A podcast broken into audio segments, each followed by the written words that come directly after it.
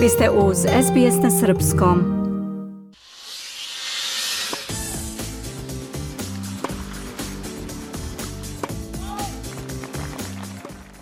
U Melbourneu je juče počeo Australian Open, prvi teniski Grand Slam sezone. Prvog dana takmičenja najveću pažnju privukao je duel najboljeg tenisera sveta Novaka Đokovića i talentovanog Dina Prižmića – Mimo svih očekivanja, srpskom teniseru je bilo potrebno punih 4 sata da savlada 18-godišnjaka iz Hrvatske sa 3-1 u setovima.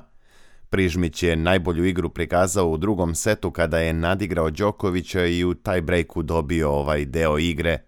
Napravio je mladi Hrvat i brejk u trećem setu, ali su u toj fazi meča do izražaja došli iskustvo i kvalitet desetostrukog šampiona Australijan Opena – Đoković je posle izborene pobede odao priznanje rivalu i istakao da je, kao i publika, bio impresioniran Prižmićevom igrom na debiju na Grand Slam turnirima. U izjavi za Kanal 9, koji je vlasnik prava prenosa Australian Opena, Srpski as je čestitao mladom Splićaninu. Zaslužio je svaku pohvalu i svaki aplauz koji je dobio večeras. Neverovatan je igrač i izuzetno je zreo za svoje godine. Držao se neverovatno dobro na terenu, pokazao sjajan mentalitet i istrajnost, kazao je Đoković. Srpski teniser je također istakao da ga je Prižmić naterao da mnogo trči i da mu je u pojedinim trenucima meča svašta prolazilo kroz glavu. Đoković je čak izrazio uverenje da će Prižmić u karijeri ostvariti velike uspehe i da bi želeo da jednog dana bude u njegovom stručnom štabu. Teniser iz Hrvatske je posle meča istakao da je ponosan na ono što je prikazao na svom prvom učešću na Grand Slamu, a o Novaku Đokoviću se izrazio biranim rečima. Uživao sam u igri protiv najboljeg tenisera svih vremena. Mislim da sam mnogo naučio od Novaka, nastavit ću da radim i da napredujem. Dobio sam i dosta komplimenata od njega, a to zaista cenim. Novakove reči mi mnogo znače, rekao je Prižmić, a prenose hrvatski mediji. Novak Đoković sada ima dva slobodna dana pre meča drugog kola u kojem će igrati protiv pobednika duela između dvojice Australijanaca Alekseja Popirina i Marka Polmansa. Zbog iscrpljujućeg meča protiv Prižmića, srpski teniser je rekao da verovatno neće ni trenirati danas ili će raditi lakšim intenzitetom kako bi se što bolje odmorio pred narednu rundu.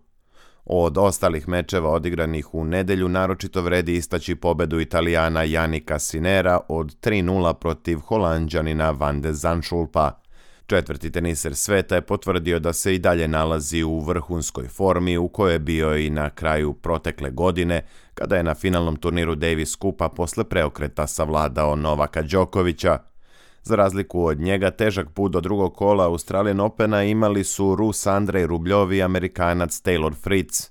Rubljov koji je postavljen za petog nosioca savladao je Brazilca Sibota tek u tiebreaku odlučujućeg petog seta, dok je 12. nosilac Fritz morao da sustiže prednost Argentinca Diaza Acoste od 2-1 u setovima.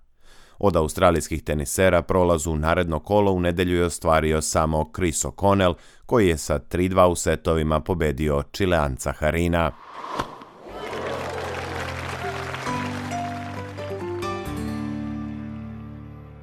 U ženskoj konkurenciji prvog dana takmičenja na Australian Openu najviše je pokazala aktuelna šampionka Arina Sabalenka – Beloruskinja je Nemici Zidel prepustila samo jedan gem i ostvarila pobedu za svega 53 minuta na terenu.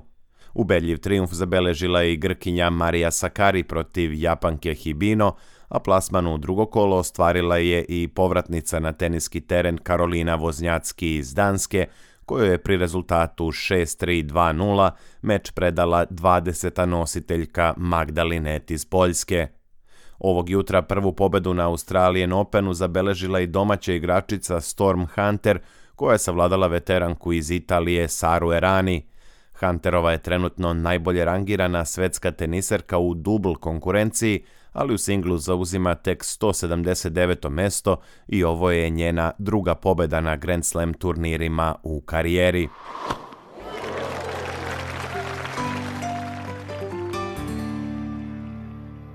Danas na terene u Melbourne Parku izlaze čak osmorica domaćih tenisera, a u centru pažnje bit će najbolji australijski igrač Alex Deminor.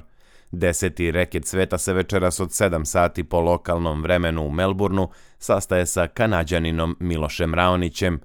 Takođe, trenutno je u toku mali australijski derbi između Aleksandra Vukića i Jordana Thompsona – Od srpskih tenisera ovog popodneva meč prvog kola igra Miomir Kecmanović koji za rivala ima Japanca Vatanukija, dok Dušan Lajović i Laslo Đere igraju svoje mečeve sutra u jutarnjem terminu od 11 časova. U konkurenciji teniserki večeras će igrati nekada najbolja igračica sveta Naomi Osaka. Japanka se posle rođenja deteta vratila na teren početkom godine u Brisbaneu i meč protiv francuskinje Garcije biće njen prvi na Grand Slamovima još od sredine 2022. Bio je to pregled dešavanja na Australijan Openu u Melbourneu. Slede ostale najznačajnije sportske vesti.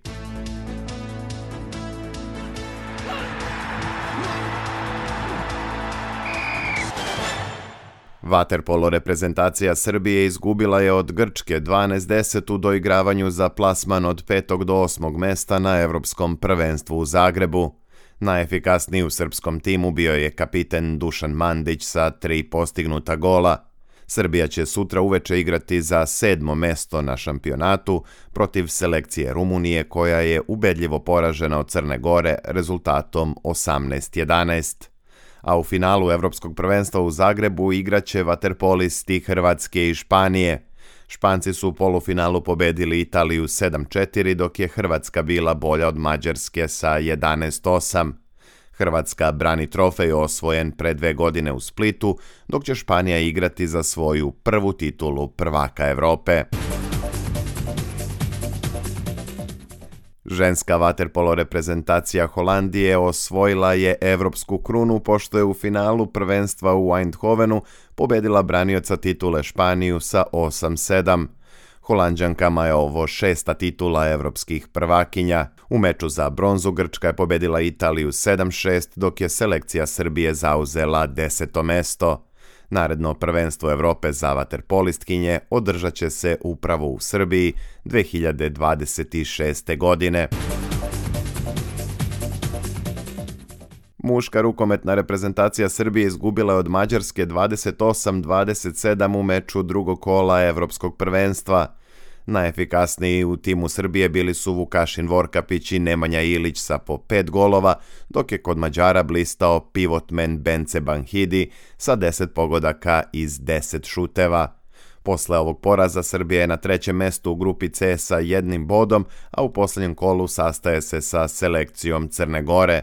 Orlovima je za plasman u narednu fazu šampionata potrebna pobeda u tom meču, ali i da u drugom susretu Mađarska savlada Island. Futbaleri Madridskog Reala osvojili su Superkup Španije pobedom protiv Barcelone od 4-1. Meč je odigran sinoć u Rijadu, glavnom gradu Saudijske Arabije. Najbolji pojedinac susreta bio je brazilski reprezentativac Vinicius, koji je postigao tri pogotka za ekipu Reala i to u razmaku od svega 32 minuta, od 7. do 39. minuta prvog poluvremena. A kako javljaju beogradski mediji, mladi futbaler Crvene zvezde Kosta Nedeljković nastavit će karijeru u engleskoj Aston Villa. Prema za sada nepotvrđenim informacijama, Klub iz Birminghema će za 18-godišnjeg igrača platiti obeštećenje od 9 miliona evra plus 15% od narednog transfera. Nedeljković će, kako prenose srpski mediji, ostati u zvezdi do juna ove godine kao pozajmljen igrač – Takođe očekuje se da talentovani bek uskoro debituje i za seniorsku reprezentaciju Srbije, pošto je selektor Dragan Stojković najavio da će ga pozvati za predstojeće prijateljske utakmice protiv Rusije i Kipra, koje se igraju u martu. SBS ogledalo aktualnih zbivanja u sportu.